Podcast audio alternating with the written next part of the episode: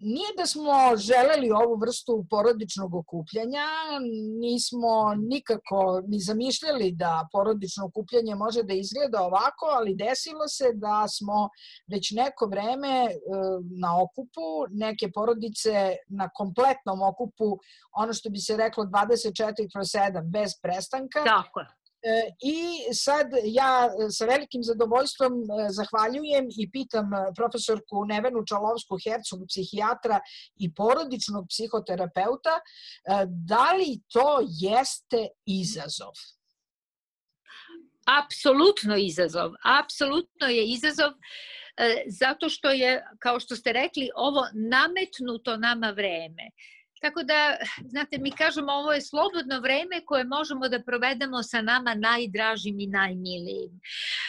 Prvo, nije slobodno vreme u smislu da ga mi nismo izabrali. Mi se osjećamo da smo u jednoj situaciji u kojoj ne možemo da kontrolišemo, niti možemo da izmerimo koliko dugo ćemo biti u ovoj situaciji. Bremeniti smo stvarno sa, sa strahom i sa potrebom da budemo oprezni. I to, to je zahtev koji je stavljen pred sve nas u istom trenutku, i mlade i stare i, i nas u gradovima i u selima i ovde i u svim drugim zemljama. Tako da je to jedan preplavljujući, preplavljujuća neizvesnost.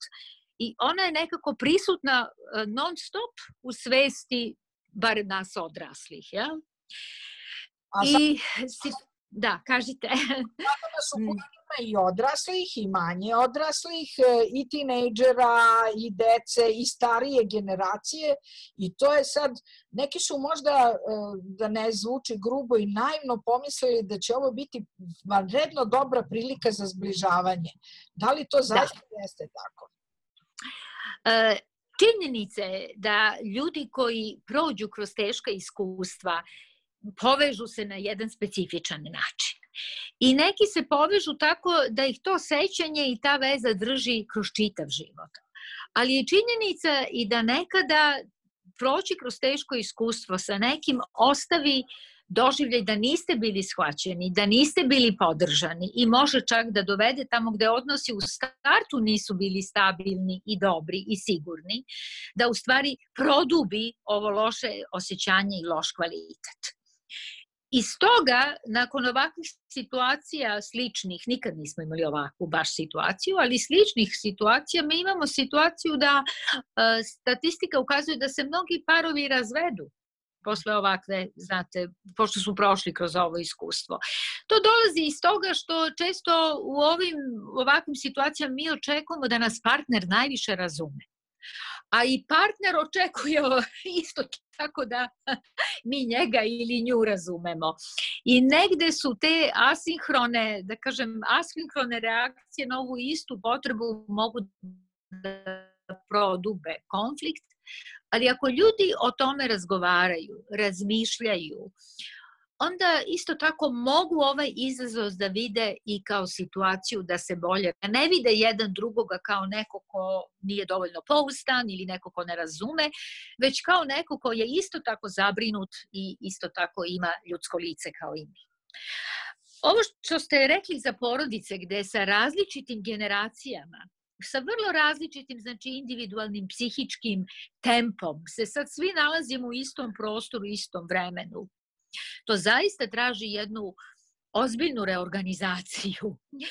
I e, nekako ono što se pokazalo dobro je da ljudi imaju kućni savet, ono što bismo mi rekli kućni savet, gde bi nekako od nekih malih, najjednostavnijih i najobičnijih stvari koje, sa kojima se suočavamo svakog dana, od doručka do, do sređivanja sudova, do raspremanja kreveta, E, biranja šta će se gledati na televiziji. Znači, te takve stvari mogu da postanu predmet dogovaranja i negde izlaženja u susret jedno drugome, a ne da budu opet e, tema za konflikt ili za produbljivanje osjećanja neshvaćenosti, izolacije, ljutnje, konflikta.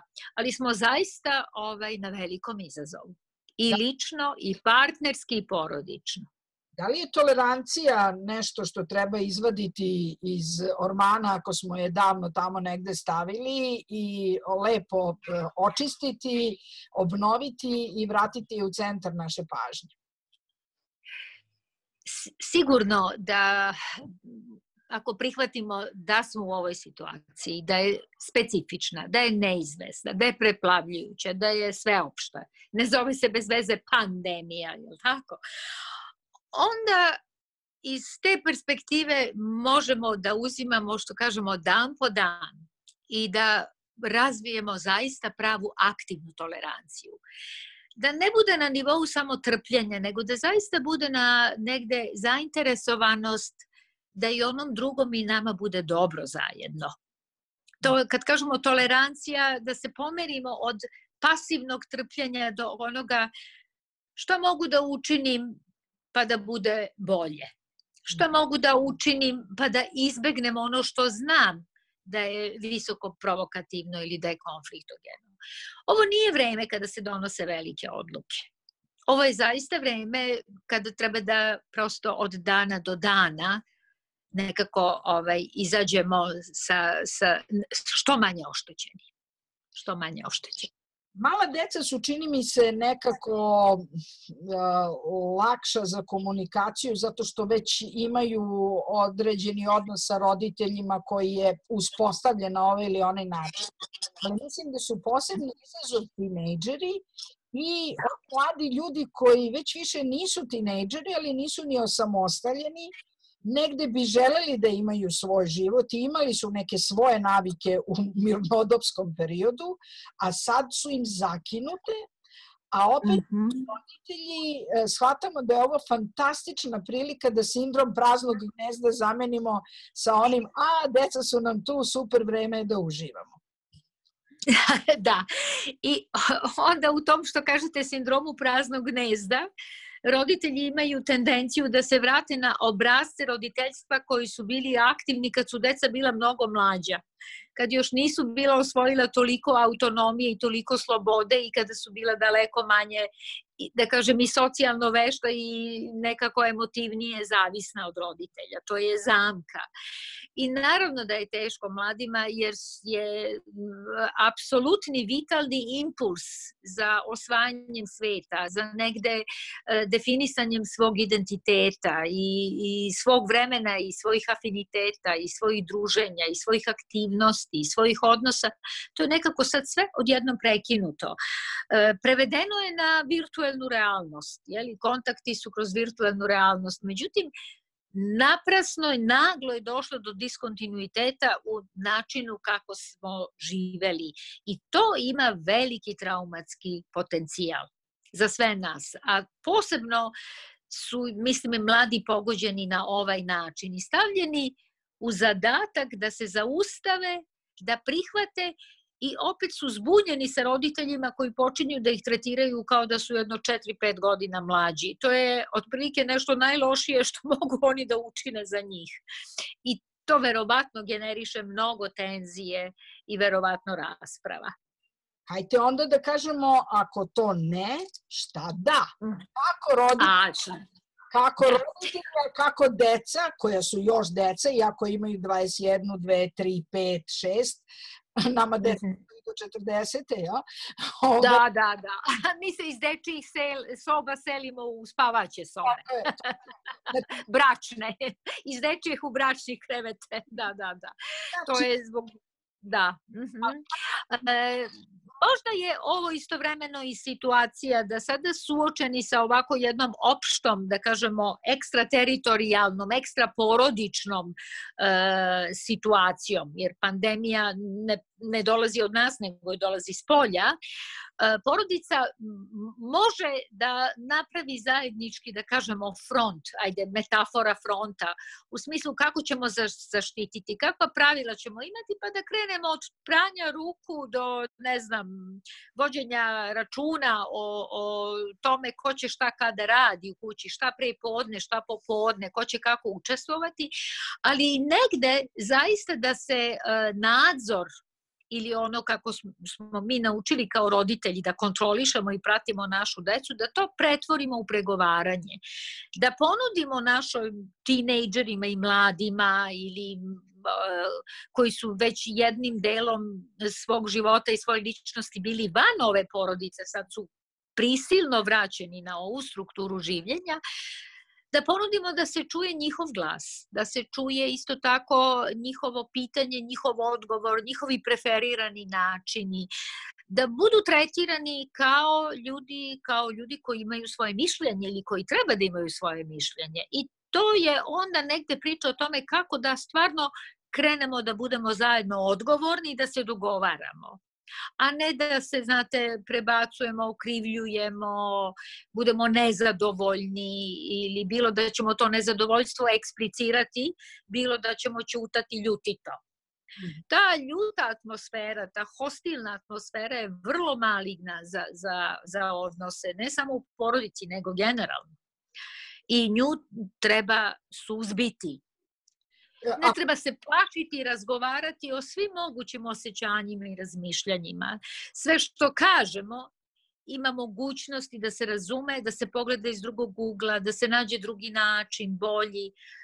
Tako da je u stvari nekako pristup prema adolescentima od strane roditelja treba da bude drugačiji, ali isto i očekujemo da adolescenti prihvate deo svoje odgovornosti, da ne očekuju gotovo rešenje i da budu ljuti zato što je ovo ovako kako jeste.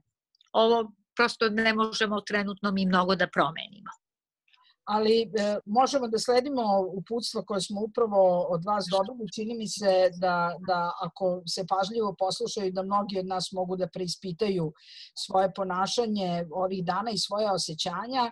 Je, e, smem li da kažem da bi možda ključna poruka bila da razgovaramo, da se ne povlačimo, i da e, pronađemo tu vrstu e, zajedništva, ali da svako ima slobodu i na neko svoje malo samovanje ako je potrebno. Apsolutno. Apsolutno mi svi imamo potrebu za privatnošću. Znate, vi kad vidite već dete od između druge i treće godine ima povremeno potrebu da se igra samo.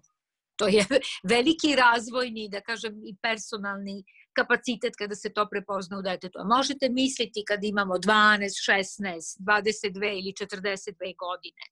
Tako da je zaista negde uh, ova, ovo čemu smo razgovarali, tolerancija podrazumeva i tole, toleranciju na privatnost. Znate, da, da, ako smo već zajedno na ovaj način, mi smo znači izvršili, ovaj, ova situacija pravi kompresiju na porodične odnose i na porodični sistem.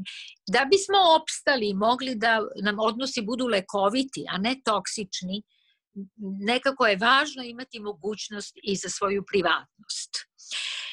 I važno je neki afinitet ili nešto što smo do sada e, radili, da možemo i dalje da radimo. Znate, ako neko voli da svira, voli da čita, voli ili hoće da otkrije ljubav u štrikanju ili, ili u, ne znam, gledanju nečeg posebnog na internetu ili znači a, to apsolutno treba podržati.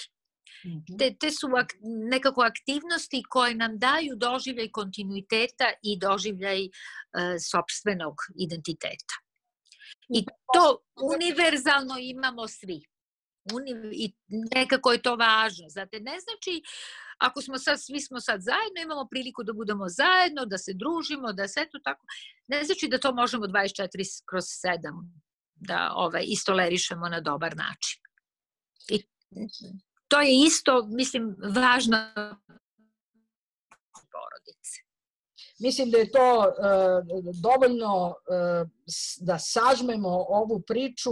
E, profesorka dr. Nevena Čalovska-Hercog, psihijatar i porodični psihoterapeut, je zaista dala bar smernice, a na nama je i zrelost i odgovornost, ali i duh i dobra volja da to sprovedemo.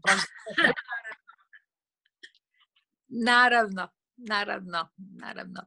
Što imamo više humora i slobode na kreativnost, to će nam ovo vreme e, proći na način da ga se nećemo sećati sa ovaj, kao naj, najlošijeg perioda u svom životu.